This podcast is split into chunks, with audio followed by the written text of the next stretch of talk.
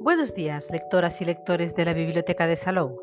Os encontráis en el espacio Bibliosalou Radio, los podcasts bibliotecarios que os informan diariamente y vía radio de las novedades bibliográficas de la Biblioteca de Salou. Los podcasts de los miércoles os hablarán de lo que podemos encontrar en las redes sobre una de las novedades de narrativa en castellano del próximo mes de octubre. Y hoy, 29 de septiembre, os presentamos la novela Disfraces Terribles de Elia Barceló. En la reseña de la contraportada podéis leer. En los años 70, el prestigioso cuentista argentino Raúl de la Torre, residente en París, saltó a la fama con la publicación de su primera novela. Su popularidad como novelista del boom latinoamericano fue creciendo con sus siguientes obras, su segundo e inesperado matrimonio y su implicación política. Todo ello lo coloca en el punto de mira de las crónicas de sociedad cuando decide descubrir públicamente su homosexualidad o cuando se conoce su suicidio de un pistoletazo. Muchos años después, en el comienzo del nuevo milenio, el joven crítico francés Ariel Lenormand se se embarca en la biografía del escritor, entrevistando a quienes lo conocieron, su editor sus amigos y sobre todo Amelia, su desconcertante y sofisticada primera esposa, compañera y apoyo del autor a lo largo de su vida. Pero el enrevesado y misterioso mundo que rodeaba al escritor amenaza con pasar de ser un simple objeto de estudio a convertirse en parte de la vida del joven biógrafo. ¿Qué oscuras presiones llevaron a la confesión de su homosexualidad a este hombre en una época en la que nadie lo hacía? ¿Cuáles fueron las causas de su suicidio? ¿Cuál es el terrible misterio que se esconde detrás de la obra novelística del escritor? ¿Por qué mienten los testigos después de tantos años? ¿Alguien conoce la verdad? En el blog Libros que hay que leer nos hablan de la novela que nos ocupa. Ariel es un profesor que está escribiendo la biografía de su escritor favorito, el argentino Raúl de la Torre, para ello, se traslada unos meses a París, ciudad en la que el escritor vivió desde que era un niño.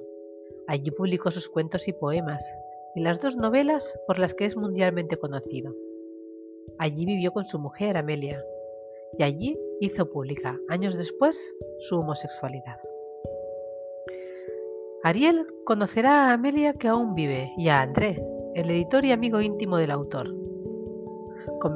conversará con ellos y con otras personas que conocieron al escritor, y acaba por obsesionarse con él, máxime cuando se da cuenta de que hay misterios en la vida de Raúl de los que nadie que le conoció quiere hablar.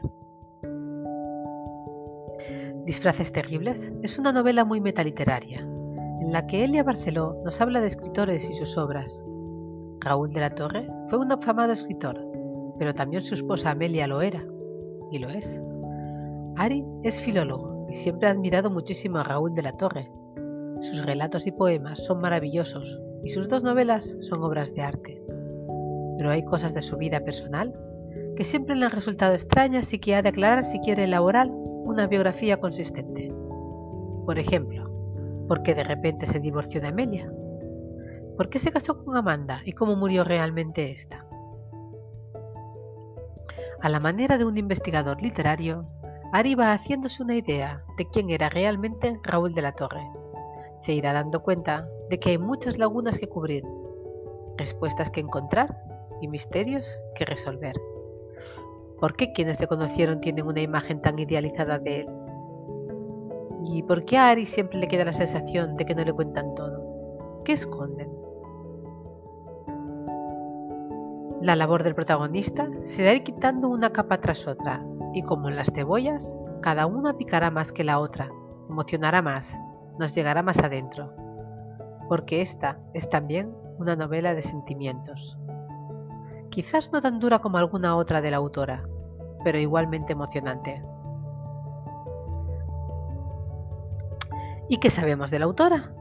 Elia Barceló estudió filología anglo-germánica y finalmente se doctoró en filología hispánica por la Universidad de Innsbruck. Barceló es considerada como una de las tres grandes escritoras de género fantástico en lengua española, junto con la cubana Daina Chaviano y la argentina Angélica Gordischer. Aparte del género fantástico, el que la hizo popular y con el que ganó diversos premios, como el UPC de novela corta o el Ignotus, ha cultivado también la novela juvenil, lo que le ha valido grandes reconocimientos y la concesión de dos premios EDB en 1997 y 2006.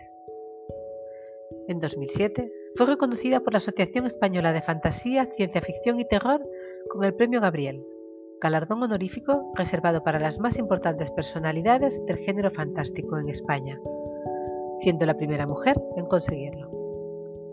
Ha sido traducida a 20 idiomas con gran éxito de público y crítica, consolidándose como una de las voces españolas más internacionales de la narrativa actual.